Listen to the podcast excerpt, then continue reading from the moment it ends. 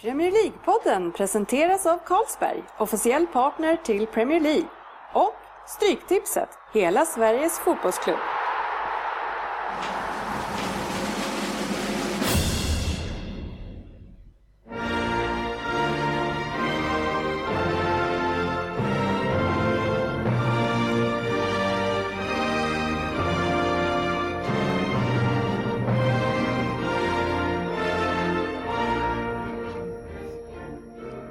Det här är Premier League-podden, fansens podcastmagasin om Premier League och den engelska ligan. Det här är agendan för vårt 49 avsnitt. Vi öppnar med veckans appnyhet. Sen har vi Dennis historia den här veckan med Vem där? Första fokusmatchen var West Ham mot Queens Park Rangers. Sen ska Andy vara central i besvikelsernas afton. Andra fokusmatchen var Chelsea mot Arsenal och avslutningsvis eh, tipsdelen eh, bara med oddset lurar Söderberg eh, den här veckan.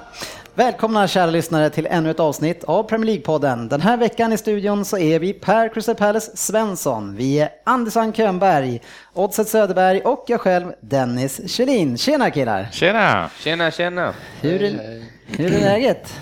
Det är skitbra. Ja, Jag kul känner mig att, hur taggad som helst. det var kul att du är tillbaks. Ja, nu har det varit några veckor borta. Ja, Ja, vad har Fast du jag kommer gjort? inte ihåg. Ja, jag vet inte vad jag har gjort. Ja, men du har, jag gjort något har- efter jag kom tillbaka från semester? Det har jag. Ja du, jag vet inte. Du... Jag har tränat fotboll, så var det. Ja, just det. Ja, vi hade ju avslutning i helgen. En, en, jag är fortfarande känner mig lite halvstel efter en stökig, stökig eh, lång dag och natt.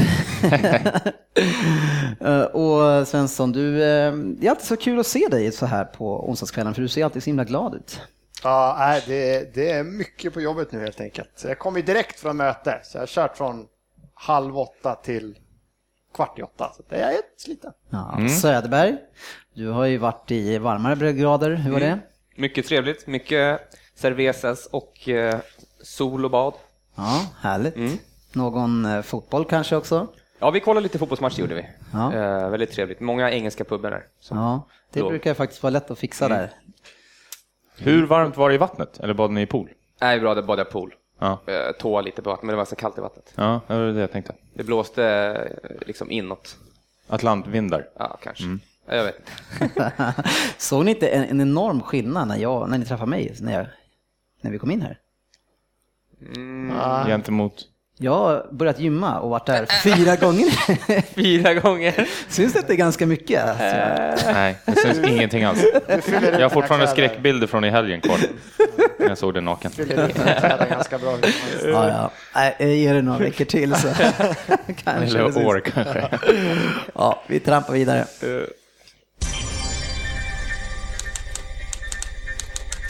Veckans appnyhet. Ja, veckans appnyhet och eh, innan får jag nästan be om ursäkt, eh, men egentligen det är ju inte vårt fel att podden blir lite tjatiga om samma ämnen om och om igen. Men veckans nyhet hämtar vi från gold.com och det är ju då som kom färskt idag att Özil är skadad och borta i 12 veckor. Svensson, vad säger du? Ja, vad fan ska man säga? Det, vi hade ju behövt Fabregas, Vera, Petit och hela gänget. Vi hade behövt en 7-8 mittfältare till känns det som. För nu är det fan, nu är det fan, nu är det ironi, det är komiskt, det är, en, det är ett hån. När vi sitter här och pratar om att till nästa år, den här gången ska vi ta den här, den här säsongen har vi tagit tag i. Vi har tagit in en ny fystränare, vi ska se över allt och sen bara är det värre än någonsin i år. Och skadorna, är, nästan alla skador har varit så här, ja men typ han vrickar till foten, han är säkert borta en vecka, det här är inte bra. Tre veckor! Özil spelar klart matchen, vad jag fattat som. Kommer ner, ja men det är inte så farligt, bara gå på första träning med Tyskland. Känns inget bra riktigt, ska vi kolla det? Ja men det är, det är väl två, tre månader du är borta då. Va? vad fan är det som händer? Ja. Nej, det är... Ja, det, är, det, är, det är väldigt märkligt att det är egentligen samma lag hela tiden. Alltså. Även fast vi andra, vi får ju såklart ett par skador här och var. Men eh, det är ju parodi på, är det framförallt nästan mittfältet där Ja, folk... just mittfältet. Ja. Det är det, vi har. Sen, ja, vi har ju inga backar, så en skada där är- är väldigt farligt också. Men just mittfältet, för där har vi ändå, ja, men det är hyfsat med gubbar. Vi skulle kunna ha ett ganska starkt mittfält, men nu har Ståa, det är inte svårt att ta ut laget. Han har ju fyra till fem backar, så det är den som är sämst får inte vara med. Snart snurrar vi ett mittfält med typ fem man. Det är bara, aj, du var dålig, du får inte spela. Och sen får jag liksom ställa upp mittfältet med de man har. Och så kan ni gnälla precis som förra året. Ja, Det, Ja, egentligen borde vi Matt- undersöka det här. Jag vill bara lite. poängtera till alla att det är inte jag som tar upp det här hela tiden. Jag har gnällt väldigt lite över mina skador, det, det nej, tillhör jag säger inte att du gnäller över, jag säger att du skyller på det. Nej, Vi borde, borde gå till djupet och ta kontakt med någon sån här äh, fysio Ja. och fråga liksom, hur, hur kan det egentligen kan det bli så här? Ja. Kan det Ja, vara... Jag älskar när de säger så här att eh, Wenger han ska ju starta en utredning kring det. Vadå starta en utredning? Liksom, Ja. typ bara, fan. Ja, men det är... Det är någonting som är fel alltså. Och så Özil, han, han känns ju bara lite vek.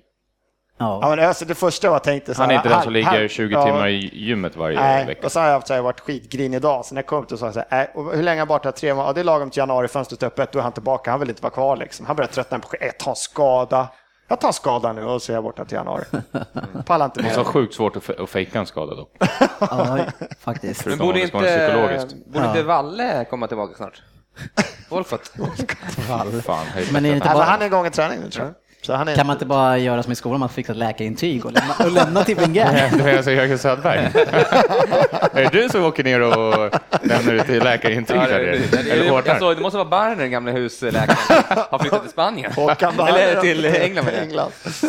Ja, nej, det är helt otroligt. Nu börjar det bli lite, nu är som sagt Walcott är på väg tillbaka och förhoppningsvis är varken Och Ja, måste ha varit skadad också, va? Eller? Nej, ja, han är på väg tillbaka. Alltså alla, de många är ändå så här, de är på väg tillbaka, det ska inte vara Mm. länge. Men nu, just nu är det ju parodi, det är lite sjukt. Men hela, liksom. ni har ett gym och sådär Ja, på jag vet. anläggningen.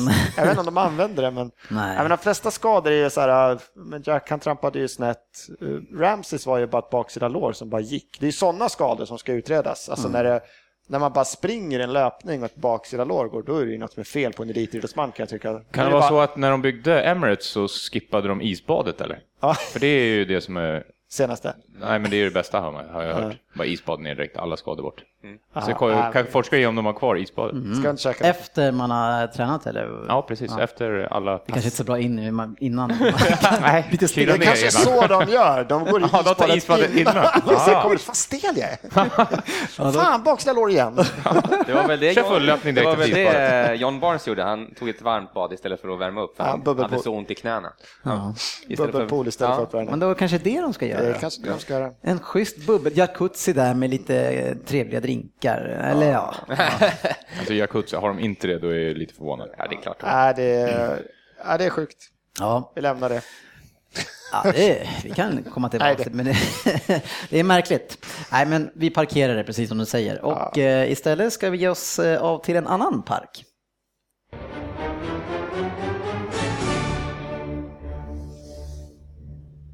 Dennis historia. Ja, veckans historia har jag faktiskt längtat att få göra eftersom jag är genuint nyfiken på drottningens egna parkväktare. Jag pratar såklart om QPR, Queens Park Rangers. Egentligen så har jag aldrig funderat på översättare och, och liksom kom på vad det heter. Eh, sådär. Men å andra sidan så kom jag nyss på att Brommapojkarna, jo det betyder ju att de är från Bromma, det hade jag inte heller tänkt på. Så, ja, det där kanske jag inte skulle ha sagt. Men Historiskt sett så var det så att de flesta spelarna kom från området Queens Park som ligger i nordvästra London och därav då namnet. Eh, sedan så var egentligen så var det en ihopslagning av två lag eh, 1886. Eh, det var St. Judes och sen var det Christchurch Rangers och det var efter de gick ihop som det blev QPR. De spelar sedan 1917 på Loftus Road eh, och den ligger då i Fårhedens buske, om vi nu ska fortsätta översätta namnen. Shepherd's Bush. Eh, kapacite- kapaciteten på Loftus är ganska liten faktiskt, 18 500. Eh, förr i tiden i och för sig så kunde hela 35 000 få plats, men nu vill ju folk sitta ner och titta och det tycker jag också är trevligt nu när man har blivit lite äldre och sen så finns det ju en säkerhetsaspekt till det hela. Men eh, något som är anma- anmärkningsvärt med Loftus Road, kanske i och för sig inte så oss i Sverige, eh, det är att man på 80-talet installerade konstgräs på just den här arenan. Eh, och det hände under kanske klubbens bästa årtionde där man nådde en femteplats 87-88 Eh, men tyvärr så fick man ju inte spela Uefa-cupen då eftersom, som jag berättade tidigare historier, så var ju de engelska lagen avstängda från all europeisk fotboll på grund av huliganism. Ägardelen i QPR är nästan bara det en kvälls forskning, men 34 procent av aktierna äger Lakshmi Mittal och han är en indisk stålkung. Ja, det är nästan metall, metall. Ja. Eh, här, han är alltså då CEO för världens största stålbolag som heter Arcelor Metall ungefär. Eh, och eh, 2007 då var han Asiens rikaste man och rankad sexa också på den listan i världen. Så slängde i väggen Abramovic. Hans dotter Vanisha Mittal hade världens näst dyraste bröllop någonsin nyligen. Ja, bara en sån sak. det ska ju en statusgrej det också. Faktum var att den här personen han var på väg att köpa sig in i både Everton och Wigan innan det, innan det blev då QPR. Eh, och anledningen till det, det skulle kunna vara att det var så att det var en av hans vänner eh, och det är chefen för Formula One-gruppen eh, och han heter Bernie Ecclestone och det var han som ägde en del av den här klubben sedan tidigare. Som en del i det här köpet så tog hans svärson Amit Batia plats i styrelsen. Man trodde att det skulle göras en rejäl satsning i linje med Abramovic, men riktigt så har det ju faktiskt inte blivit. Istället då så var det så att Ecclestone han ökade sitt ägarskap och blev största aktieägare. Om vi går tillbaks till Amit Batia så föddes han faktiskt i London eh, och har nått finanstoppen både via äktenskapet men också via utbildning och en stark familj.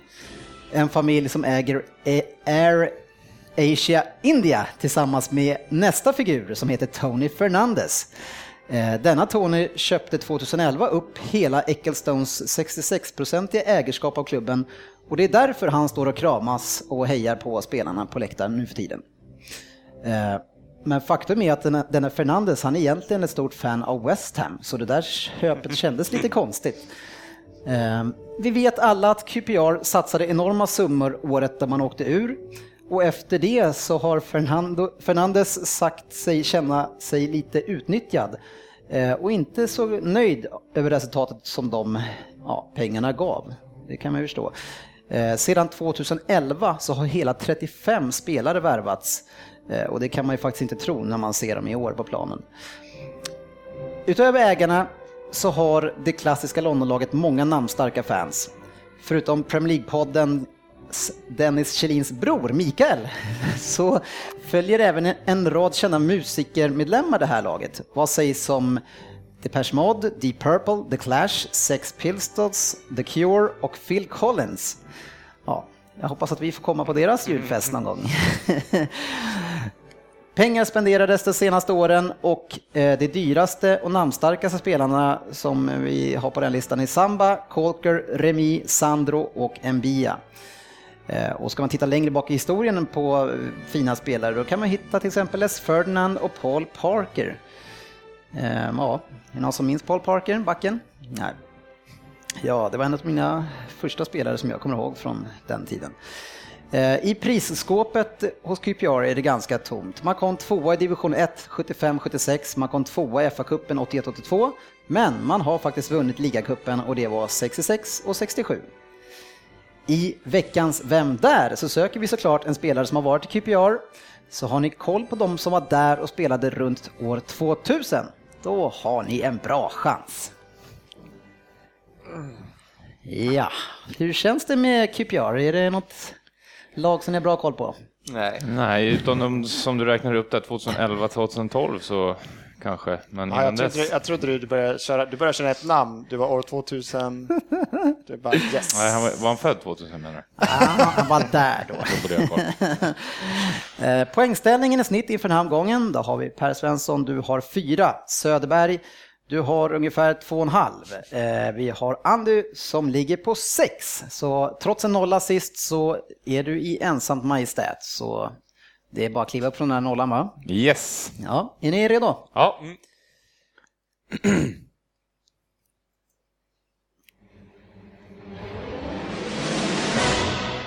Vem där?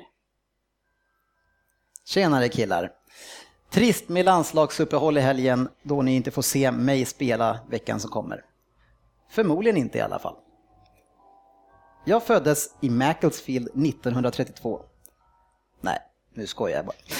Eftersom Andy Könberg är tillbaka så kan vi väl i alla fall bjuda på och säga att jag är 80-talist. Eh, så då skulle man kunna anta att jag fortfarande är aktiv.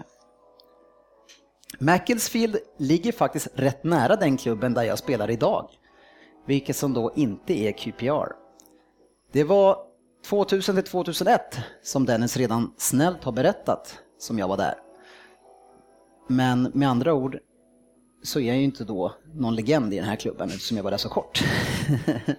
Nej, jag fostrades faktiskt i en annan Londonklubb, Tottenham Hotspurs, men lämnade dem också väldigt tidigt. Men i och för sig så återkom jag till Tottenham senare i min karriär. Det är vad ni får.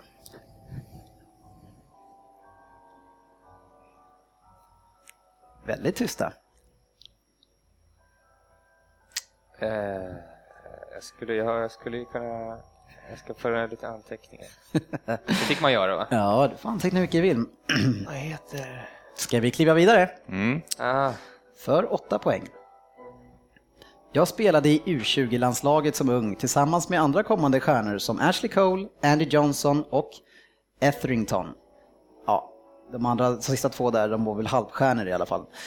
2005, då fick jag spela i A-landslaget för första gången och det var i Sveriges egen Casanova, Sven-Göran Eriksson, som kallade upp mig dit. Efter det så var jag faktiskt ganska frekvent återkommande i The Three Lions, som landslaget kallas. Men tillbaka till QPR 2002-2001. Eh, och där, när jag spelade där, då spelade vi Championship och tyvärr så åkte vi ut det året. Eh, jag var en ung lovande spelare och utöver mig så fanns det faktiskt inte så många andra stjärnor där. man får inte ut mycket. Där alltså. var det var fan åtta. snålt alltså.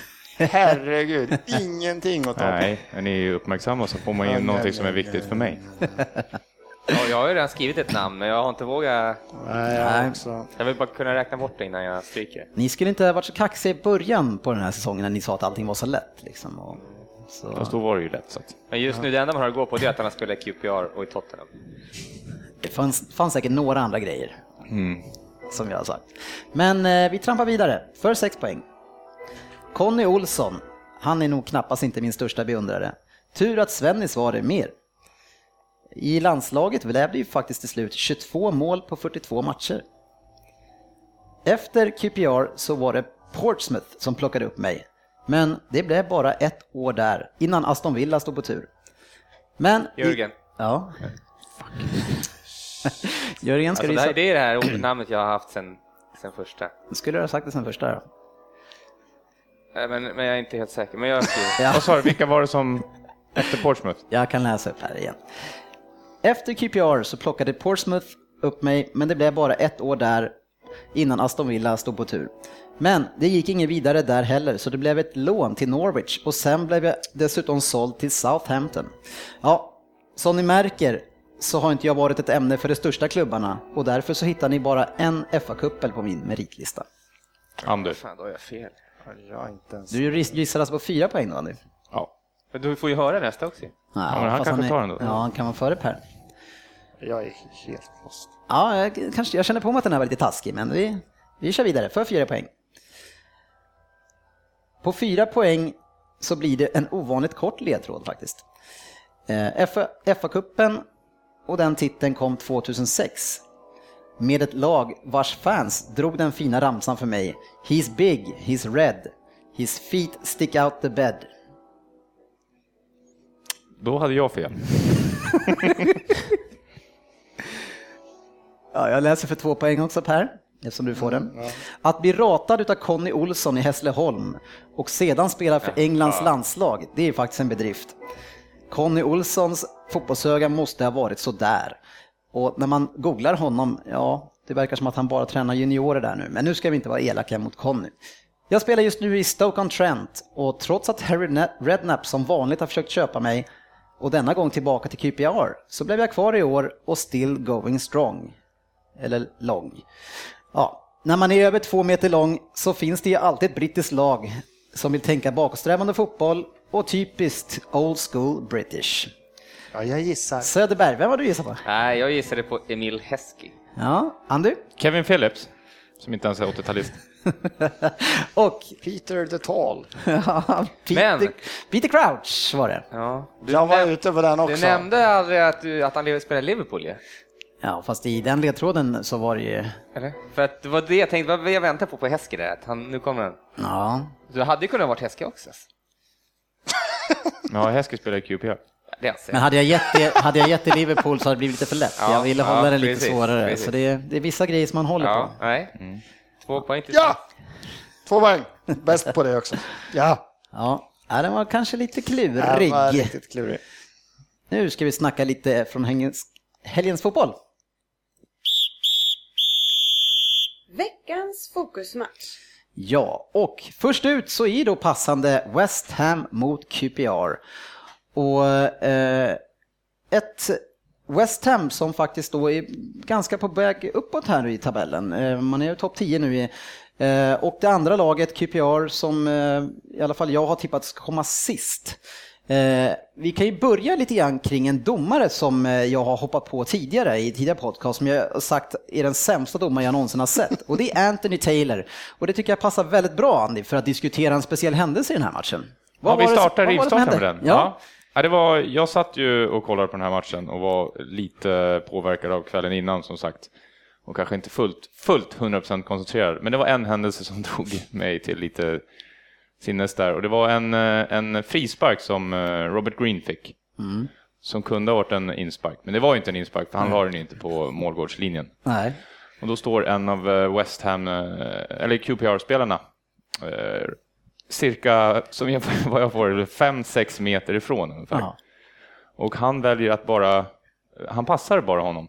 Rakt, alltså en ganska lös passning rakt på hans fot, som om- han var i hans lag. ja, i stort sett. Och det var ingen annan i hans lag som var direkt i närheten som skulle kunna ta den här passningen. Och han slår ju bara in bollen i mål. Ja. Men då blåser domaren av och jag uppfattade inte riktigt och tänkte så här, om det var inspark så, ja, jag vet inte riktigt vad som hände där. Men det var ju bara för att han hade stått inte 10 yards away. Ja, eller vad det Men var. alltså det, ja, men det är så som det står i händelserna efter och som de diskuterade. Men hur, det, det märkliga är ju, vilket som, det är inte så att han kan slå den så att han ska bli utvisad för att han, för han är, Han han försökte, han är in, långt han där. försökte köra innebandygrejen och skjuta på kille som var lite för Ja, nära. men då, det gjorde man ju, då stod de ju liksom på en. Här stod jag ju alltså borta vid dörren ungefär, kanske lite längre bort. Men det var precis, den precis referensen, 10 borta vid yards. Men man såg ju hur målvakten först sprang och skulle, och så bara, nej, ångrade han sig. Och så, så sprang han bak igen och så gjorde han exakt samma rörelse, men ändå den mitt på spelaren. Så han skulle ju på något sätt försöka knorra den förbi. Ja, han. men varför ska jag försöka knorra den? För att det, var ju en spelare kanske till lite mer öppet åt andra hållet. Ja, det var jättekonstigt. Ja. Och sen gör han ju bra målvakten, för att han spelar ju som att domaren blåser av, så han står ju bara så här. Ja, Ja. Hade han försökt att fånga den, då kanske det liksom hade Ja, eller kört mer- den här typ, att de var lite besviken på sig själv. Nej. För det måste vara, ändå varit lite på, jag vet inte exakt hur långt 10 yards är, men det är ju, det måste ju precis vara på gränsen i alla fall. Ja, det var ju inte så att han var en bit därifrån alltså. Så jag, Ja. Ja, det är jättemärkligt och ännu märkligare att han blåser av. Liksom. Men, men och, och, om man nu ska lägga märkligt en gång till, så varför blir det inte massa bråk efteråt då? Vad är fan blåser du för liksom? Nej, alla kanske har exakt koll på 10 yards Jag, linjen. jag Alltså, tyckte ja, han, han var 10 yards. han som fick bollen och gjorde mål, han vart ju väldigt upprörd. Ja, okej. Vart han, ju. han stod och skrek och hade sig, men det var inte många som... Ingen som brydde sig om det. Nej, det var en konstig händelse tycker jag i alla fall. Ja, ja märkligt. Uh, in i matchen nu då, uh, och vi, jag tänker att vi börjar med QPR. Utifrån det jag berättade innan att de har värvat då, alltså sedan 2011, 35 stycken spelare. Alltså det här laget, herregud vad de ser gamla och sega ut alltså. Vad är det Alltså, för stofiler alltså? Du räknade ju upp några som de hade värvat, det är inga superstjärnor direkt. Det är ju Loic Remy kanske som ja, Mm. är vass. Ja, vass ja, men jag tänker bara liksom på eh, de ser så gamla. Det känns som att man, man liksom värmade upp ett gammalt gäng för att ta sig upp, men hela det där gamla gänget är fortfarande kvar, liksom med Harry. Det här, det Jag får, jag får ingen lagkänsla av QPR, alltså att det är ett lag. Man, man kan ju ha äldre spelare och- man får ihop det också till ett lag, liksom, som, som Stoke kanske har varit ett lag, kämpande lag, men QPR, de är ju bara här och där, liksom, ingenstans. nej. Jag, fick, jag, har sett, eh, jag såg ju matchen mot United där. Eh, Då var de ju otroligt dåliga. Annars hade inte United vunnit. Men, eh, men Nico Kranjčar, som, Ja. som ändå gör det okej. Ja, fast han är ingen lagspelare heller. Han är bara Nej, absolut inte, men han är i alla fall någon som kan typ lite grann hålla i bollen och Jo, jo. leverera till en medspelare. Resten är ju Men, rätt så iskalla. typ. men jag tycker att det finns liksom några så här sköna, tunga lirare liksom, som man ska kunna bygga laget omkring man, och skapa lite speed runt omkring det, men alla är ju tunga. Liksom. det finns ju liksom ingen dynamik alls i det här laget. Alltså. Nej, och sen, eh, ja, Steven Cocker där, han kan inte vara jättenöjd med, jag vet inte hur mycket pengar han fick för att komma dit, men det är ju... Ja, men Kåker, Tarabt som förra året utlånad till Milan, får vara en startspelare typ Milan. Och det är inte så här... Han det är gör inte- ändå rätt mycket Det är mål. inte som att göra något dussin mål i Milan. Han blev typ ju grymma, allt. Han var typ stjärna. Nej, men du får komma hem och sitta på bänken i Queens Park Rangers som in- är jättedåliga. Ja, men han, han i sig är ju väldigt märklig. När ska det, alltså man får ju ändå ställa Ja. lite krav på honom. När ska det lyfta för den där Ja, människan? men då? han, han är ju inte en spelare som ska vara i Queens Park Rangers. Nej, han ska ju vara i ett ganska bra lag med lite han ska i medgångslag. Ja, ett Han ska lag inte bära anfall, ett lag. nej. Han ska vara han pricken över i ett bättre lag, liksom. den som gör något. Han men- kan göra grejer, men han får inte göra... Han får... Men vilket pricken över i-lag vill ha Ja, men honom han, då? nej, men han gjorde ändå saker i Milan. Det var ju fan ett skämt att han kom ner dit. Så han, gjorde, han var ju bra där. Jag vet inte, jag såg bara han de första tre, fyra matcherna, sen tyckte jag det var tyst. Ja, jag ska inte överdriva, men att han var bra. Det var Han som satt har och ju, kollade på italiensk fotboll. han är ju han, duktig stundvis det. Är väl han har- någonting han brister på. Måste Han du? har ju massa talang. Det jag bara menar det, varför kan han inte liksom växla upp och bli någonting riktigt bra utifrån det man Men han känns lite som att det finns ju flera sådana som Ben Affra som är så här, Mm. skulle han få vara stjärnan i det här mellangänget, alltså bygga anfallsspelet runt honom i ett lag som kanske får anfalla ganska mycket, då skulle han vara bra. Queens Park kommer ju aldrig få anfalla mycket någonstans, någon gång, om de inte åker ur liksom. Och, och sen så ser man vad de har på topp. Den här som de har betalat alltså ganska dyrt för, en Championship forward som heter Austin. Alltså. Men han gjorde ett jävla kasse förra gången, men det är väl det enda han har gjort de här första omgångarna. Ja, men om vi kan Jävla hålla oss till vad man ser, att, alltså, utifrån vad han är för profil. Jag kan tänka mig att han är en bra boxspelare. Men att, låta en boxspelare som är sådär alltså, stor och, och, liksom, ja, och spela ensam och liksom, de andra är ju liksom de är flera resor ifrån honom när man lägger upp bollen på honom. Alltså, ja, Det är lite David Nugent över honom, ja, fast är dubbelt så långsamt, eller hälften så snabbt Men lite säger. så här, gör lite mål i Championship, men inte Ja. riktigt. Nej, han skulle vara bra, han är en bra Championship-lirare liksom. Du kan inte ha någon som jag, ensam. jag kan säga att jag är Nej. ganska nöjd med mitt tips av att lägga QPR sist i alla fall. Det Ja, det hade jag också. Men däremot West Ham eh, har ju någonting spännande på gång tycker jag. Eh, där man har mycket med en större dynamik och man kan förändra och göra väldigt mycket med det här laget. Och jag börjar nästan känna att nu vill man faktiskt få bort Big Sam därifrån. Så man får en nytänkande tränare som kan lyfta det här laget nu. Eller? Nej, klart vi inte ska bli av med Big Sam. Jörgen är inte här, jag måste försvara. Sportchefen är inte här. Klart vi ska ha Big Sam. Nej, men man har spelare som Enne Valencia, man har Zarate, Amalfiltano. Alltså det finns ju mycket kvalitet i det här laget nu, eller? Mm.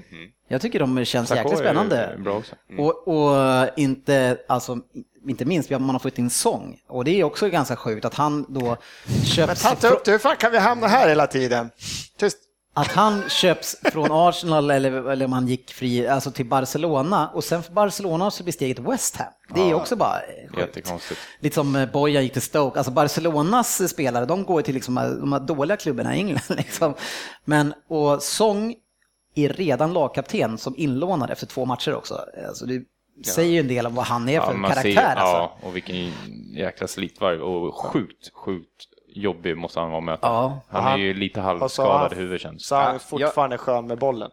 Alltså det här, han är ju inte ren gris liksom.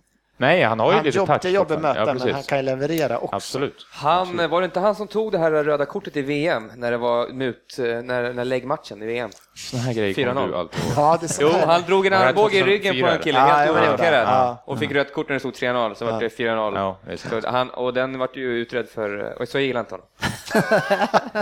Ja, för, för Song, han har lite problem med pengarna. Ja, men han de där- kan inte tjäna någonting i Arsenal, Barcelona. Så han bara, shit, 50 000?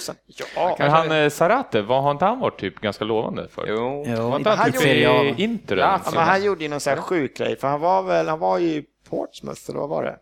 Han var någon sån här halvbra engelskt lag, så gick det bra, gick väl till Italien. Sen så helt plötsligt så spelade han för Eid FI i typ Förenade Arabemiraten. Shit, det där har, Mm. jag visste inte att han hade varit i England, men jag tycker han ser jäkligt pigg och bra ut. Eh, jättebra värvning för ett lag som West Ham, tycker jag. Ja, absolut. Känns... Men sen har de haft skador på två, alltså av hörnstenarna känns det som. På både Noble och Nolan.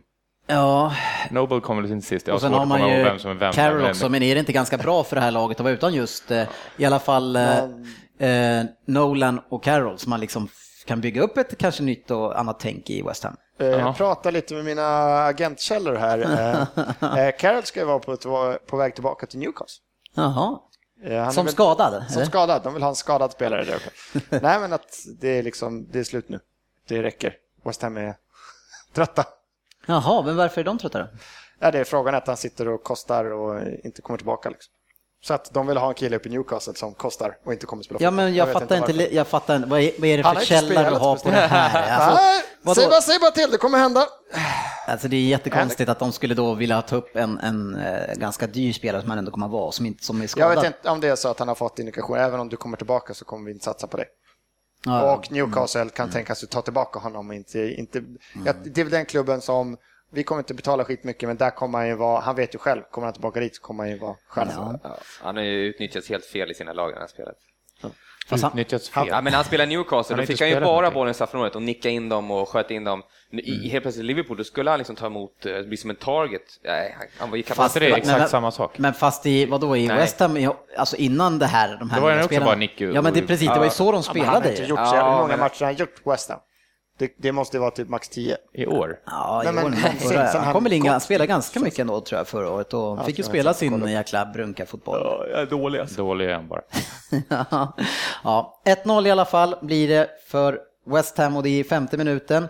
Eh, och det är på en hörna och eh, självmål utav, vad heter han, Onoa va? Är inte det en gammal City-spel? Jo, det vill jag minnas. Vi har några ganska dåliga backar som vi har skickat iväg. Är han engelsman? Ja. Han spelade landslag under Svennis för mig. Ja. Samtidigt med Richards. Ja, herregud. Eh, och så å andra sidan, engelska landslaget, som vi sa tidigare så är det ju så att eh, England har färre spelare i Champions League än vad Sverige har. så det, det är faktiskt eh, skrämmande måste jag säga. Ja, herregud. Nej, men eh, otur, där, är, där är lite gruff framför honom och så dyker det ner bara. Sen vet jag inte om man kanske ska tycka att man ska hålla koll på kroppen ändå, men eh, ja, lite otur. Eh, andra halvleken då så gör ju QPR en enorm eh, föryngring och förändring då man tar in Bobby Samora. Och tidigt också. Hyfsat på. Men... Ja, Men det var ju han som ingen upp dem. eller? Det var han som skötte upp dem ju i Premier League. Ja, det sjuka är att han gör inte ens det dåligt när han kommer in. Så som vi säger, eh, eh, min bild av Hoylet då, för det är väl han som går av för honom, det är att han var den som kunde springa i det här laget. De hade en hyfsat snabb kille. Satan vad snabb han var. Ja, men de har en löpduell som han var ju brutal. Så han måste ha suttit i pausen och bara, fan det är något med fel med balansen. Ja, vi Vänta, måste vi har alla långsamma Vi spelare. har en kille som springer jättemycket, vad gör du där? Kom, kom Bobby! Och han är typ ung också. Han Det här går fan inte. Vi kan inte ha en eh, alltså, genomsnittsålder under 35. Men det är någon sån här herrklubb han har skapat här. Sådana som är på väg ut i De har, bara, karriären. de har bara trevligt efter matchen. Vilken rolig klubb att spela i. Det är därför tar upp Ja, det. det kanske vi också kan knacka här på dörren. Ja, Ja, det var konstigt, men han var ju faktiskt okej som åren när han kom in. Ja, men det, men det är som jag säger att en hel del av de här spelarna är ju okej i sig, men, men då, man kan inte bara ha likadana långsamma För, gamla han spelare. håller på att förbereda sig för, för Championship-spelet. Bara stora, tunga, gamla rutinerade så att de kan gå upp året efter igen. Ja, fast det var ju det han gjorde med det här laget för att, för att gå upp. Nej, han sig- gillar ju Championship. Han vill bara åka ner så han kan vinna. Men om de nu har de här snubbarna med de här pengarna bakom sig, alltså att de äger Air Asia och alltså största metallföretaget eller stål eller vad det var i världen, vad fan, det borde man kunna lösa, eller? Är Asia- Ja, jag, jag är tror att Asia han, India, va? Metall skulle nog kunna köpa åtminstone fyra, fem engelska klubbar och bara, nej, ni får gå åt sidan. Vi gör en serie på QPR och vilka nu som ligger näst. Ja, är det... Så, att det är så att han vill ju, han har ju tröttnat, fan vet jag. Ja, jag vet inte. Jag, ty jag tycker det är han Fernandes som man ser hela tiden. Som ändå, han ser ut att visa massa passion, men... Ja, han kanske också att- älskar den här klubben. Jag har för mig att det är Manchester United som äger Air Asia. Air Asia India var det, men... Ja, men då ja, det är Air Asia Thai men, då. men vad sa du nu, att det är Manchester United som Ja, äger som dem? klubben äger det här flygbolaget. Va? Ja, jag har fått för mig det. Kolla upp det. Nej, det där vet i tusan alltså. Jag är lite inne på att mitt gamla bolag eh, som även sponsrar ditt lag kan ha köpt alltihopa. De bara Hela världen. köpte allt. Nu är det mytomanen på... Ja, just det, på YouTube. Ja. 2-0, eh, ett riktigt skitmål efter missade skott, deflektioner och sedan så nickar Sakho in bollen. Och det som jag undrar är, hade han behövt det eller snor han det här målet bara på mållinjen alltså? Han snor det säkert, men... eh, Det är som målskytt gör. Ja, men, Rätt plats press, eller? men, men de här plats, killarna som snor de här målen på mållinjen, det finns ju ganska många sådana där. Alltså, hur, hur, tror ni man, hur tror du stämningen är mellan han som sköt eller han som gjorde det innan och han som gjorde målet? Tror, I en sån här proffsklubb, är det något beef om det? Eller? Var det Ja, det beror på vad man har för målbonus. Den skönaste snorgrejen, var inte Ja, det typ Beckham som höll på att knorra en frispark i sin sista match någonsin ever, Paris Saint-Germain, när Zlatan typ kastar sig fram för att peta in den. Och sen bara, Ja. yes!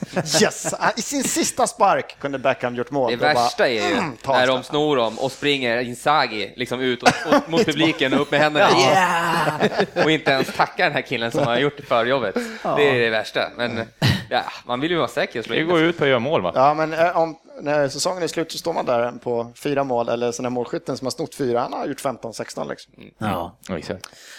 ja, herregud. Men Eh, Stuart Downing, vilja, Ja. han, han har väl typ aldrig varit bättre. Nu har han alltid varit jättedålig i alla andra lag han någonsin har spelat i tycker jag. Han har bara åkt runt och tjänat pengar. Nej, men han Men var ju bra innan bra. han kom till Liverpool var han ju ändå okej. Ja, jag som ville. Ja. Ja. Mm. Men här tycker jag han är Men Liverpool gör ju ofta dåliga, Ja. bra spelare dåliga. Alltså jag hör att de sa det på tv och han är så bra. Jag, jag såg inte storheten man. Jag ser bara att han är för dålig på att slå inlägg och springa och så stoppar vi in han i mitten liksom. Det, så kan han gömma sig där och slå Ja, lite jag tycker ändå han kortpassningsspel. har, jag har typ aldrig sett någonting känns. Ah, det var som du säger, Liverpool förstör ju alla fotbollsspelare. Men Eller var Middlesbrough han var bra i va? Nej, Ja. Aston Villa. nej, han kom fram, med, jag vet inte om han kom fram, men en Middlesbrough Ja, då var han Det bra. var där han var ung och lovande kanske. Ja, Men, han- i alla fall, kanske, jag gillar, eller gillar honom. Han, Gick han inte från Aston Villa till Liverpool? Det kanske han gjorde, men han var, jag vet han inte om var, han var, han, var fram, bra han var i... fram med Middlesbrough Ja, men när, det var, när det var ett gäng Ja. där. Så var det faktiskt. Det är bara det, Hur skeptisk du än ser ut så har du facit här. Ja. Nej, men vi ska gå vidare från den här matchen eh, som, ja, det var väl ingen höjdare. Och eh, säsongen har ju inte bara varit fylld med höjdare. Och eh, några av de här besvikelserna som vi har haft så här långt, ja, det ska Andu få eh, belysa oss om, Andu, eller hur? Yes! Ja, och vi trampar direkt in på listan som är en topplista, eller om man ska kalla den bottenlista, 1 till 5. Nummer fem. Bra, så att det inte varit någon oklarhet att skulle börja med nummer ett där. Eh, Det är ju faktiskt ganska tråkigt att göra eh, största besvikelserna-listorna, känns det som. Alltså, Ja. Tycker det är Ehm, annars din grej att klanka ner lite grann och sådär. Ja, fast man vill ju ändå ha liksom eh, glada, positiva grejer om Premier League. Ja. Men nu har jag fått äran att ta de eh, största besvikelserna. Ja, Så då på nummer fem har jag Newcastle. Mm. Då kanske ni tänker så här, det var inte så mycket besvikelse för de var ju inte supervassa förra året efter att eh, Caballé gick. nej. Men jag såg ju dem som sagt första matchen mot City där. Mm. Jag tyckte, tycker ändå att de har ganska eh, sköna spelare en del av Mm. dem. Men de får ju inte ut någonting överhuvudtaget. Om det är tränaren, om det är laget, om det är managern eller vad det nu än är. Men de kan ju inte vinna bara. De hade mot- motivation i en match i alla fall. Eller?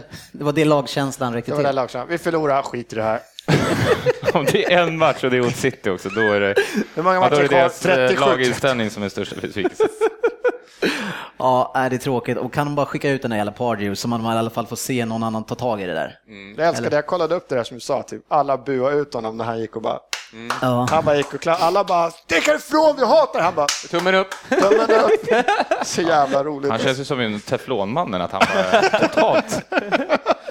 Ja, man är Han fattar schizofren. inte. Han fattar inte liksom. Han, han ser okej smart ut. Ja. Ja, Jag tycker nej. han ser, ser ut som en stilig gubbe. Liksom. ja, precis. Man vill ju nästan att det ska gå okej ja, för ja, ja, precis. Tjänar bra med pengar förmodligen så han bara, ja, ja, ja. Jag tar era skit och sen så, Fast han måste ju få så jäkla mycket skit alltså vart, när han, vart han än liksom går. Och, när han kommer hem också. Fan vad dålig du är. ja, precis, från familjen. Nej, man ska gå och handlar och... Jag vet ju själv när man har gjort en dålig match här uppe på vallen. Då vågar man sig inte ut till Då var man här. inte till lagen. Nej, precis. Han har säkert en matkasse hem sen, som blir levererad vid dörren. Han, han är bara på arenan och sen hemma. Ja, men det är bra grejer. Ja, Ja, det är bra. Nummer fyra. Ja, det här är ju lite också varför det är så otroligt tråkigt att göra den här listan. För jag har ju eh, ett annat lag som jag kanske hade velat haft lite högre upp i eh, serietabellen. Och det är mitt kära Everton. Jag vill ju skylla på skador på Barkley och allt möjligt, men eh, som Söderberg som sitter här bredvid mig så också med Everton-supporter så har han ju säkert sett att det är inget supervidare spel som vi har visat upp. Ingen, eh, alltså otroligt mycket felpass, ingen fart som vi hade förra året. Alltså vi har inte, vi har ju haft skador på, på Barkley och Mirallas och eh, men vi har, oh, PNR, men eh, ja, PNR som kom tillbaks förra matchen och låg i stort sett Ja. 95 procent av sen- matchen på banan. Och sen har Stones varit bänkad, kommer in, vad händer? Skada. Han Ja. är väl borta i tre, fyra veckor då, minst. Ja. Ja, han fick jävligt ont där senast. jag såg bara Nej, tre, nej, fyra ja, veckor. inte Så han har kommit tillbaka och varit bra, nu är han borta. Nej, men det är inte, det en, en ja, det är det är inte samma tiki-taka-spel som vi ut- hade förra året. Alltså, nu är det, det känns som att vi ska utnyttja mer nu Lukaku där framme bara och slå. Och sen så är det ingen som fyller på. Typ. Nej, och det... Ja, nu var ju eh, McCarthy borta förra matchen också och Mm. eh, även om jag tyckte att han Besic, som Dennis sågade med passningsspelet, jag tyckte Mm. inte att han gjorde så mycket felpass. Men det är... eh, det är Det är inte hårt, riktigt alltså någon... jag Ja, sitter och men vi ska tänka så här. Alltså. eh, vi har mött Liverpool, Chelsea, United. United. Eh, någon en till är det. Bra. Arsenal. Arsenal. Arsenal. Och Leicester borta verkar inte vara så lätt. Ja, och QPR. Eller CP. eh, CP. Vad är det? Ja, Crystal Palace. Crystal Tittar du på mig? Nej, så, men eh, det är sådär. Vi har kryssat en del. Ja, men jag håller med Ander, det är ju spelet som inte sett bra Ja, ut heller. precis, precis. Alltså ett lag som, men det pratade om lite innan, alltså ett lag som Everton och få spela Europa Ja, jag vet, med den truppen. Och ja, sen har då, nu, ja. det räcker med två, tre skador på fel personer, då har ni, då är, det funkar inte. Sen börjar några bli, Osman är som har presterat, han blir äldre liksom. Vi har... Mm. Men jag, Nej, men... men- jag tänkte precis på det med Osman, för det som jag inte gillade, och det vet inte jag om det har varit i alla matcher, men det är att man spelar med den här extremt defensiva triangeln där alla tre egentligen blir väldigt defensiva. Och när, om ni pratar om det här ticka-tacka, man ska ha ett passningsspel, då måste man ju ha lite mer djup på mittfältet så man kan ta sig igenom. Nu blir man ju så jäkla tillbakatryckta och kan kanske passa det, men man kan inte ta sig någonstans. Så varför kan inte Osman då kanske få spela som man gjorde förra året i en offensiva position? Istället så har man Besic, man har Barry och man har McCarthy. Jag, Ja, jag får det- inte ihop det nej. riktigt. Vad, vad jag antar, alltså vi mötte ju ändå United, deras offensiv är ju Mm. hyfsat vass. Så att jag kan tänka mig att uh, Besic var ju på eh, Di Maria eh, rätt många gånger, Mm. fula grejer, en del gånger, och drog ju på sig något gult kort. Men han känns ju ändå mer som att han kan ta hand om eh, Di Maria lite bättre. Mm. Än vad kanske Osman i sin defensiv. Nu var ju Besic kanske defensivt tillsammans med Barry, men det är ju... Vi har ju som sagt, vi har mött Crystal Palace och Leicester som är i våran Lag typ. ni ska slå.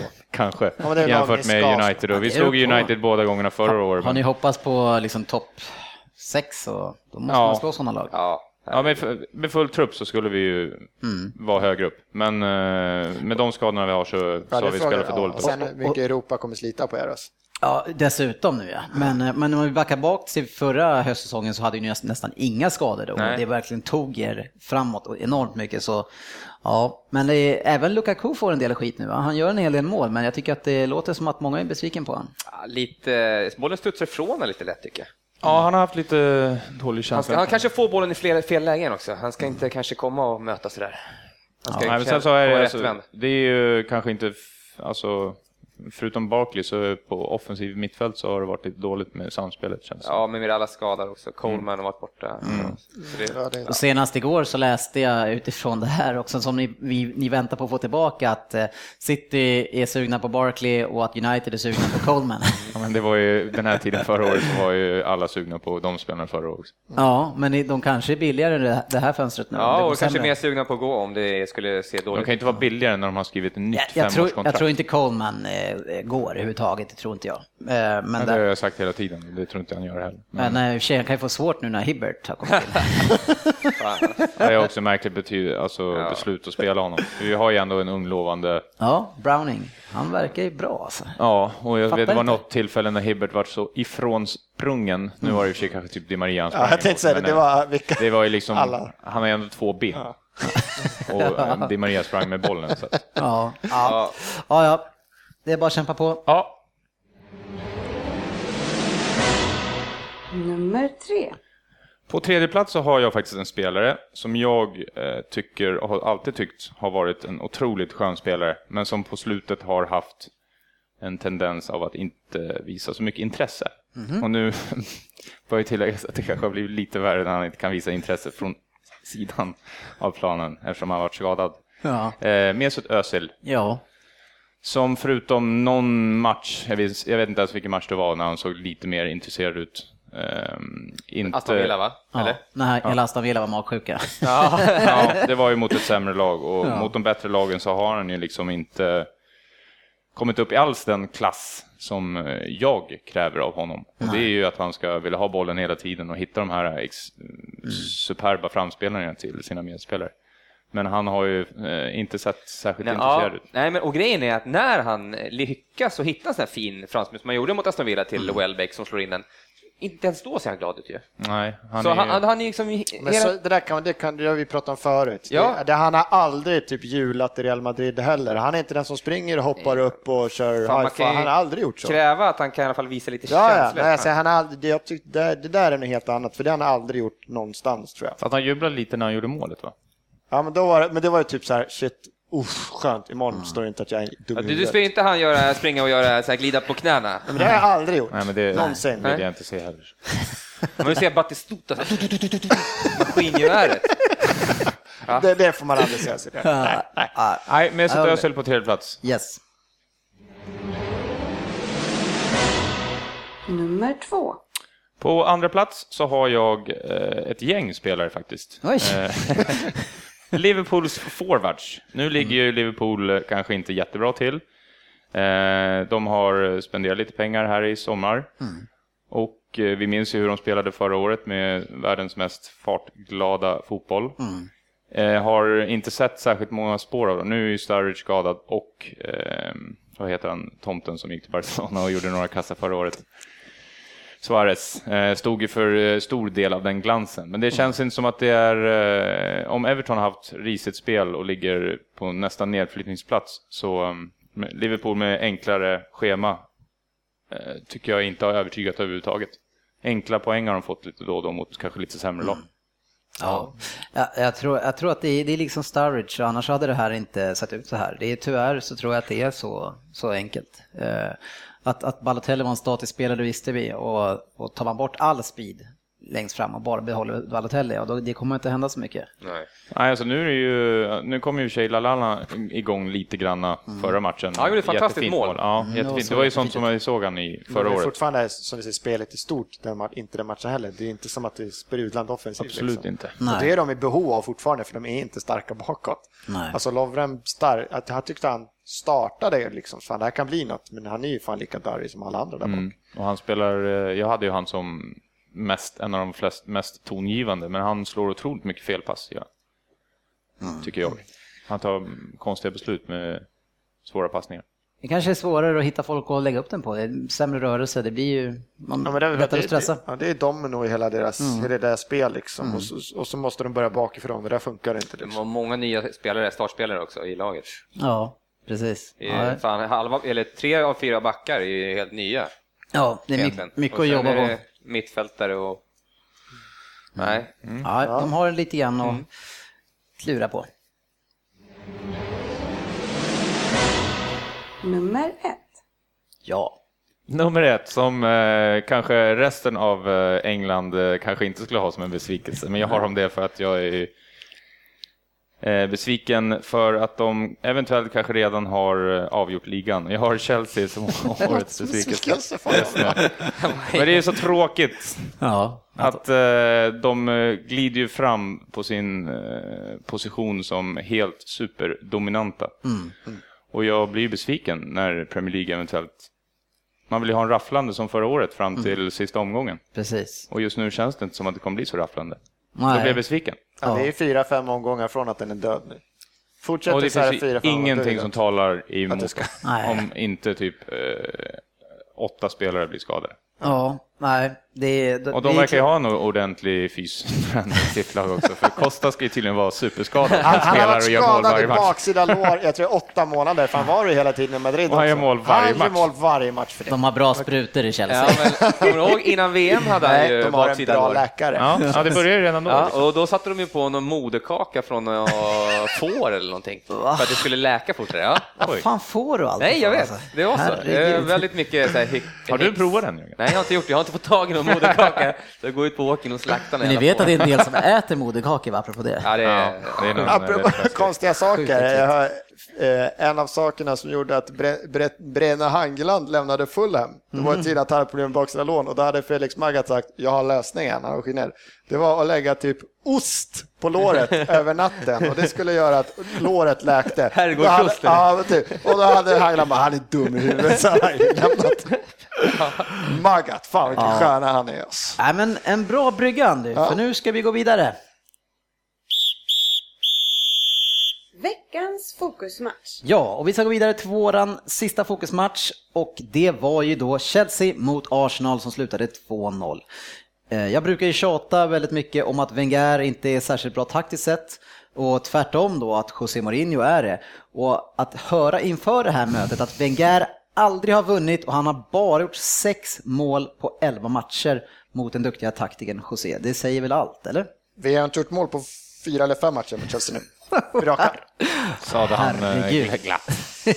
Ja, alltså det visste det var ju ännu värre. Och snacka om mentalt övertag alltså för José. Såg ni intervjuerna innan eller? Ja, det tror Vilken jag. konung Mourinho alltså. Ja. Men jag tycker ändå att jag... Ja, Wenger kla- skötte sig bra Ja, men också. han var ju så här glad och positiv och nu jäklar ska vi köra. Men det, det hände någonting där. Han var skön och positiv efter matchen också, Wenger faktiskt. Hans eftermatchen-intervju var, var skön. Är han Fast uppgiven var han kanske? Ja, han var positiv och glad? Nej, han var typ skön efteråt. Han var ändå så här typ så här sköna bittra kommentarer. Bara, vad Mm. pratar han om? Jag pratar inte med honom. Ja, men vad sa han på väg? Jag var inte på väg till honom. Jag skulle bort och kolla om Sanchez levde efter den här brutala nedsparkningen.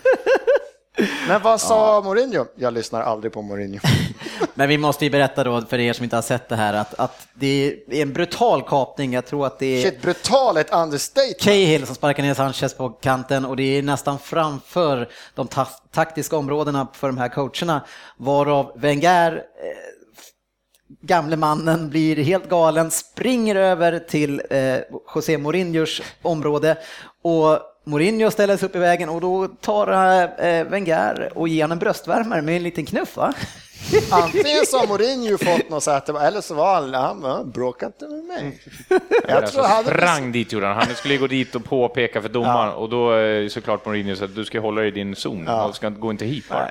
Alltså han han säger det innan händerna kom upp i liksom. Det må- Det måste ha gått fort det där ändå. Jag Ja. tyck, ja, alltså jag, utifrån att jag alltid brukar ta- tala in, illa om Wenger, alltså lite krut i gubben i alla fall. Jag tyckte det var lite roligt. Jag tyckte det var vad heter det, Mourinho petade inte i ögat i Nej, i alla fall.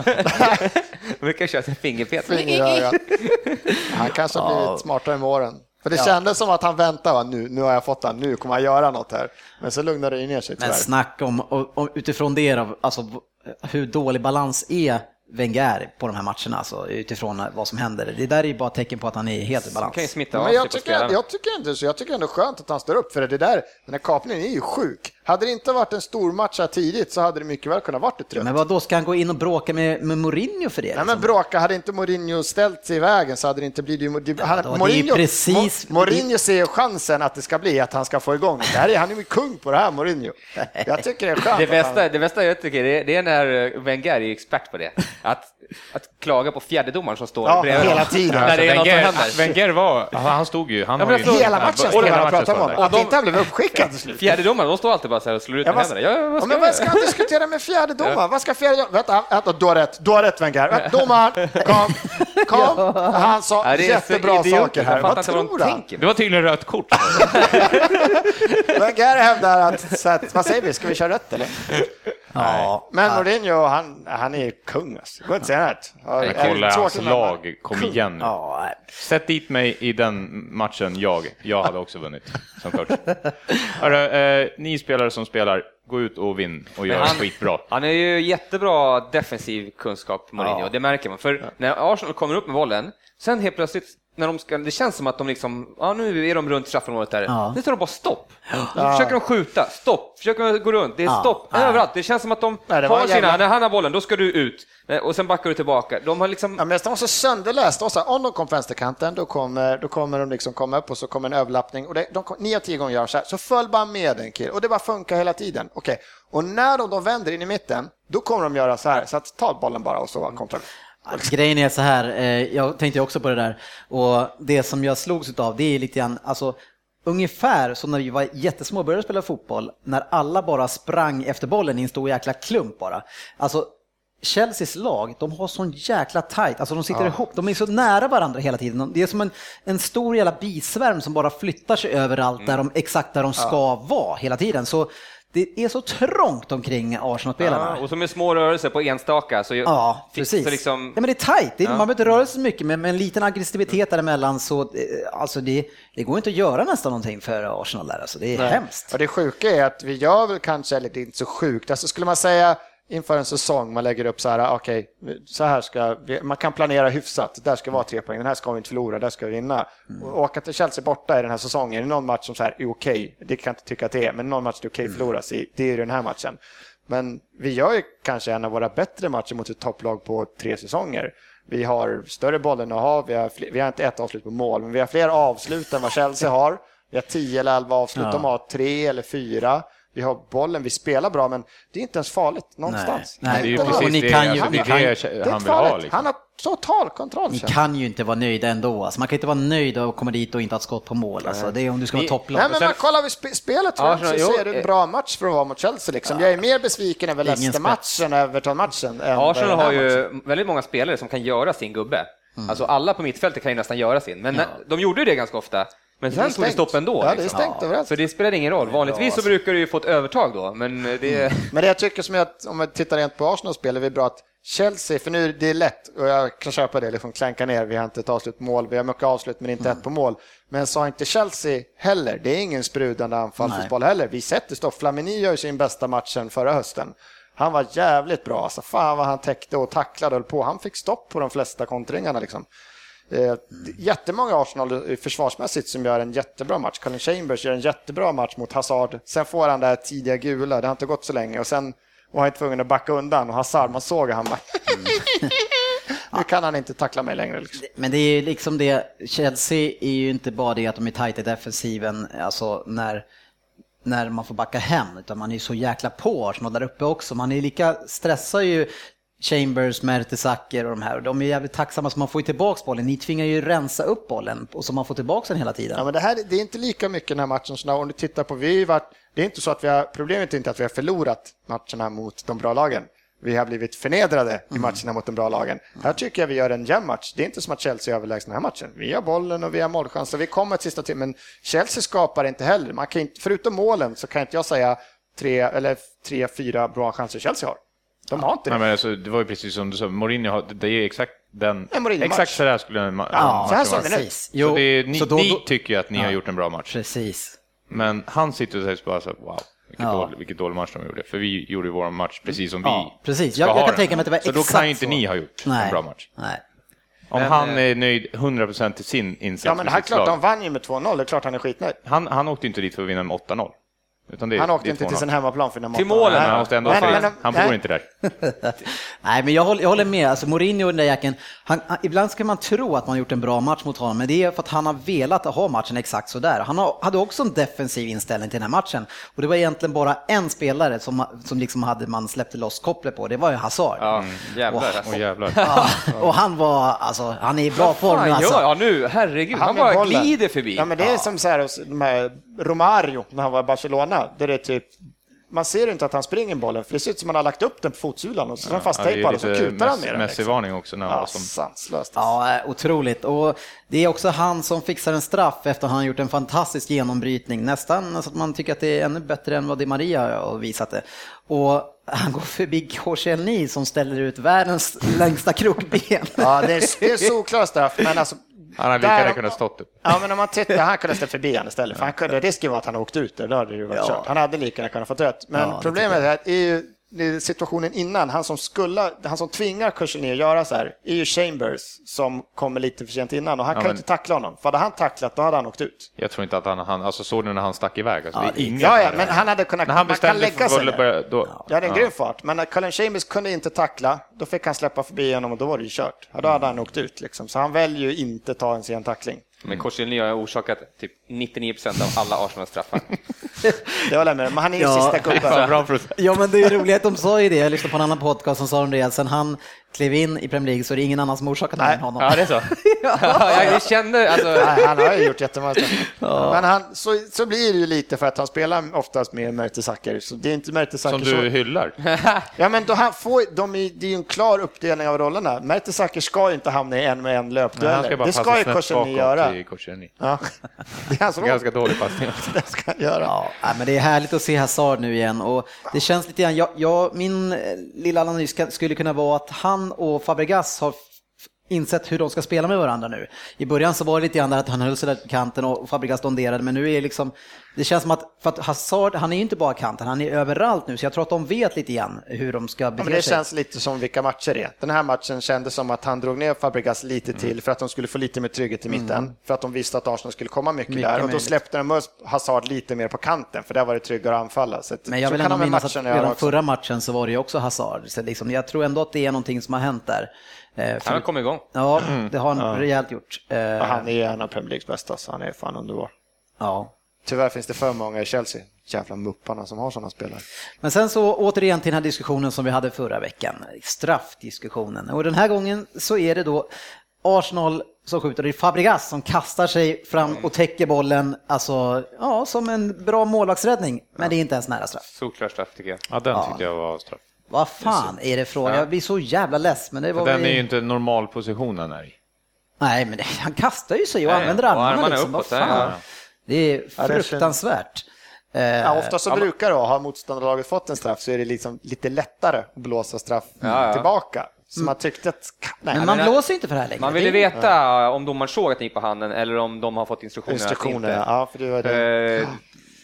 Eh, Ja, man skulle bli frustrerad. Du ser ju det är fem Arsenal-spelare direkt på domaren. Ja, och domaren, det första han gör, han tar inte diskussionen. Han bara tar ju den här och zip, Ja, det, ja, det är inte som att han Gå. kollar ut mot Nej. en linjedomare eller Nej, nej, liksom, så här, tänker en sekund till. Det, det är inte ens nära. Ja, Det av domarna det är var ju bara- så här det var typ hans- man, man 6-klass. måste ju hoppa upp och ta dem i händerna om det ska vara straff. En spelare som vi har hyllat väldigt mycket eh, i Arsenal än så länge, det är ju Sanchez. Men jag börjar tycka att jag ser lite grann om det här som vi nämnde kort sist, det är att han håller i bollen lite för mycket nästan i varje anfall. Det, det, blir, det stannar upp. Eh, jag vet inte om ni känner samma sak, att det börjar bli, det är lite för mycket bolltouch alltså. Ja, det kan vara lite att han, jag vet inte om han känner lite den här gamla eh, klassikern att han inte vet vem man ska få, alltså när Ramsey är borta och Mm. liksom sådana som man vet att man kan köra något skönt väggspel och lite, hela, lite skönt spel med. Mm. Om man inte känner att han får det med, med någon som är på planen just nu. Ja, Welbeck Ja, behöver vi inte gå in på, han är ju alltså totalt osynlig och ger bort bollen så ofta. Nu är ju i och för sig det svårt med Chelsea, i den där svärmen som man hamnar i. Men, det var ingen i Arsenal som var Men, men vad säger du själv?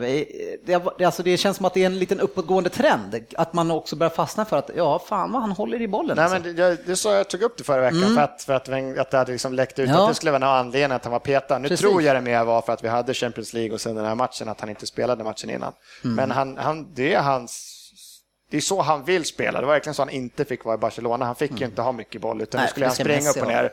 Nu vill han liksom, nu ska jag spela mitt spel. Och det, jag tycker han gör rätt i det, för han är ju grym. På, men han får inte göra det, han får inte vara så jävla stereotyp. Nej. Han kan inte vända upp varje gång, köra någon tvåfot och så ska han in i mitten och utmana. Det blir Ja, för för det var ju något tillfälle som det var parodi när han gjorde Ja. det typ tio gånger Ja. och ingen... Och sen sista han till gjorde... slut så stod ju killen bara där. Precis. Ja. Du Han går ju åt fel håll Ja, precis. gör det i varje fall... Ja, de Han gjorde det jäkligt bra ju innan. Ja, Alltså, det ja, var absolut. Men Ja, till slut han- så han gick han ju bara längre och längre ner. Ja. På, e- mot han ska göra så här, men det är för stereotypt hela Han- tiden. Det han som ska Chelsea-spelarna värdera. ställde sig ju bara där. Liksom. Värdera när så han ska göra ja. det. Och så ska han värdera och göra det liksom upp mot offensivt Ja, det straffområde. han ska inte börja göra det liksom Men ja, mot eh, halva plan. Ja. ja, vi måste ju ta 2-0 målet och då är det ju skytte- skyttekungen i Premier League som, alltså han får ju, alltså Fabregas, när han får bollen och tittar upp, det går så fort när han upptäcker vart han ska lägga den här och sen så lägger han den här långbollen som landar perfekt. Ja, här går ju Koscielny bort sig. Han Ja, brukar vara han säker. där han brukar vara säker på att ta Det är djupet, Diego Costa tar emot här, den på bröstet, eh, möter målvakten och sen lobbar han över den liksom. Ja, det här är en jä- det här Så mycket jävla- klass, alltså. Ja, det är klass, det är grymt, men det är en jävla målvaktsmiss. För han går ju ut 7-8 meter, sen stannar han och sen upptäcker han Jaha, ja, nu står jag här mittemellan. Backa eller gå fram. Men det var ju bara för att. Costa, han får ju som bra första touch på bollen. ja, så att den det är perfekt. studsar bara en gång. Ja men, kan, ja, men du kan fortfarande inte välja att stå kvar. Antingen satsa och gå fram. Men ja. om du jag tänker... tycker han går bort sig. Och sen så är det, ja, det är ju försvaret som går bort sig för att om du säger så här, Arsenal skulle aldrig kunna göra sånt mål på Chelsea. Nej, nej. Och vi Alltså, spelar, det Welbeck störde mig också. Att vi inte, jag, jag tycker när, när Liverpool startade bra den här säsongen, de spelar en jävligt lätt fotboll. För Sterling kommer på rulle, Gerard sjunker ner, de slår den här långa, de får upp hela laget och sådär. Arsenal slår aldrig en boll bakom Chelseas backlinje. Och det, det går, det är Det är svårt att slå den. Chelsea är grymma, det är jävligt svårt att hitta den. Men slå den någon gång så att de får vända på sig. Chelsea behöver aldrig vända på sig. Här räcker det, en boll, klass Fabregas, nedtagning, kasse. Liksom. Ja, det var fantastiskt. Och den här mannen Costa då, han har alltså då gjort eh, nio mål. Jag tror jag hörde att han hade skjutit 16 skott totalt sett. Ja. Var det 16, jag hörde också, 16 Ja. skott, Ja, det är 12 av dem har träffat mål och 9 har gått in. Eller Men det något. känns som att ha- hade han spelat i Liverpool förra året, då hade han förmodligen slagit Suarez.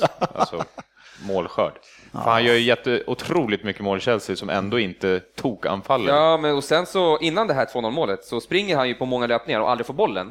Och han ser lite så här ned, ned eh, Ja, men han- ledsen ut, men han fortsätter, fortsätter, Man såg fortsätter. inte honom i, Nej. tills det här hände. Och så var det par sekvenser, det första när han fick bollen, då var Arsenal jävligt bra, för de dubblade och tog bort honom. Liksom. Mm.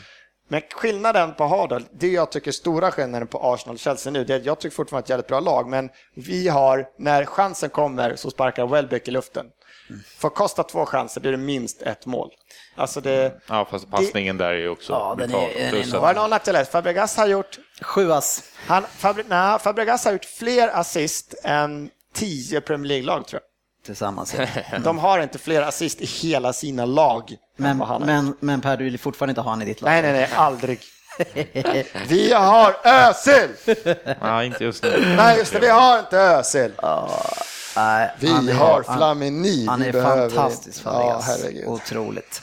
Ja, en eh, hygglig match, men som vanligt i toppmatcherna i Chelsea, det kommer jag aldrig lyfta för att han, han bara... Han är för bra. Han är för taktisk helt enkelt, släpper aldrig lös. 21 gjorda, va? Ja, vad, sju vad, matcher. många, hur många vad släppte in? De har hände? tre, släpp- tre gjorda på match. Var det inte, var det inte Everton-Chelsea som vart 5-3 eller så? Nej, 6-3. 6-3. Det var ju ganska High Chaparral. Men det vissa toppmatcher. ja, ja, okej. Aha, ah, okej. Nej, det blev inte. Mot Everton körde han. Gör ett mål. Gör mål, Ja, boys. Kör bara. Släpper Kör framåt. Ja. Nej, vi släpper. Herregud, släpp den. Och vi ska bara då kolla de andra resultaten. Och då hade vi ju då West Ham mot QPR som slutade 2-0. Chelsea-Arsenal 2-0. Sen vann Spurs hemma mot Southampton. eh, Så eh, Southampton fick lite stopp här i alla fall, det har gått enormt bra. United vann med 2-1 hemma mot Everton och det var banne mig på gränsen alltså, för de Gea gjorde väl enormt många superräddningar. Jäklar Alltså. vilka Så räddningar det- på slutet. så det där resultatet vet tusan om det var riktigt rättvist. Sen hade vi Aston Villa, Manchester City så blev det 0-2. Yahya Touré har äntligen öppnat målproduktionen. Jättedålig. Jag sa ju att han var på gång. Jättedålig var han. Hörru, Du har du sett highlights från den här matchen? Jättedålig. En miljard chanser.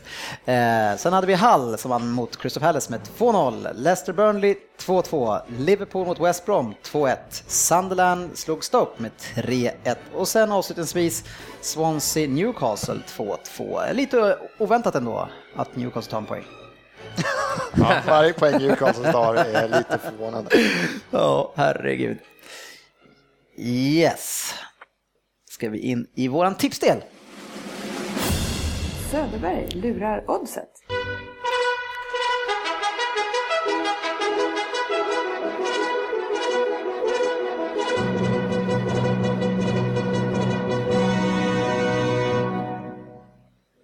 ja, precis. Oddset Lura Söderberg som det nu heter. Ja, än så länge. att jag ligger under. Men eh, så här är det ju. Ja, jag, den här väl, den här veckan väljer jag att inte spela något. Just för att jag känner mig lurad av oddset. Och då ska man ju inte spela när man redan på förhand känner sig slagen. Eh, Det, finns, det är några landskamper, väldigt svåra. Ja. Eh, Och så finns det lite hockey som också där är väldigt svåra. Men eh, nej, det finns inget och det var ganska strått. Det var ganska liten lista. Mm. Oddset-lista. Ska man säga att du är rädd om pengarna eller är du bara jäkligt rädd för att spela just nu? Nej, jag är rädd om pengarna. Jag eh, kommer nog eh, själv personligen att spela något sorts topptips på Europatipset istället. Där jag kommer ha Skulle lite Ryssland som Skulle utgång man kunna säga att du gör så lite som med din idrottskarriär, att du vilar dig i form? För det Ja. har varit det är lite du har Precis, kört sista precis. åren, sista 12-15 åren. Nej, men jag skulle nog lägga mina pengar på ett topptips istället på Europa, en Europakupong. Ja, men du vann i alla fall senast måste vi säga, så det står väl Ja. eh, lite bättre nu? eller? Skellefteå är där. Ja. Ja, det står ju 3-6 nu istället. Kan alltid lita på Skellefteå, eller? Jajamensan, jag tror inte jag torskat en enda gång. Alltså. Ja, det är helt Det är otroligt. som jag säger, du får skicka upp en bukett till dem, Ja, till kansliet där. Söderberg lever oddsen. ja, nej, men vi tar nya tag eh, nästa gång då. Jajamensan. Upp utkik på hemsidan ifall det dyker upp Jajamän, Ja, men precis. Du kanske slänger upp någonting bara sådär. Mitt feeling. i. Kan, Kan få hända. feeling. Ja. kan hända. Kan få feeling. Ja, killar, det var allt eh, för den här gången. Vi kör ingen stryktips den här veckan. Eh, Vi måste ju dock berätta att sportchefen hade två av sju på Två sina, av sju. på sina matcher senast. Två av sju. Han är i botten nu alltså. Ja, men nu fick vi äntligen fram hur, hur bra han egentligen är. Så det är skönt att det inte blir något mer snack när han kommer tillbaka. Så eh, det, det borde vara din tur nästa gång, Andu. Ja, Så eh, vi andra ligger på fem av åtta tror jag, så det är det du har att slå. har ni alla haft fem av åtta? Ja, Vi går från en halvt häst till en halvdöd häst när det kommer till att tippas. Nej, jag har ju vunnit en vi gång. får se. Vi får se. Eh, tack för ikväll Ja, killar. tack Så själva. ses vi eh, nästa vecka. Ja. Och så ska vi se Sverige också imorgon. Herregud vad spännande det kommer bli. Ja. Capello och Mourinho.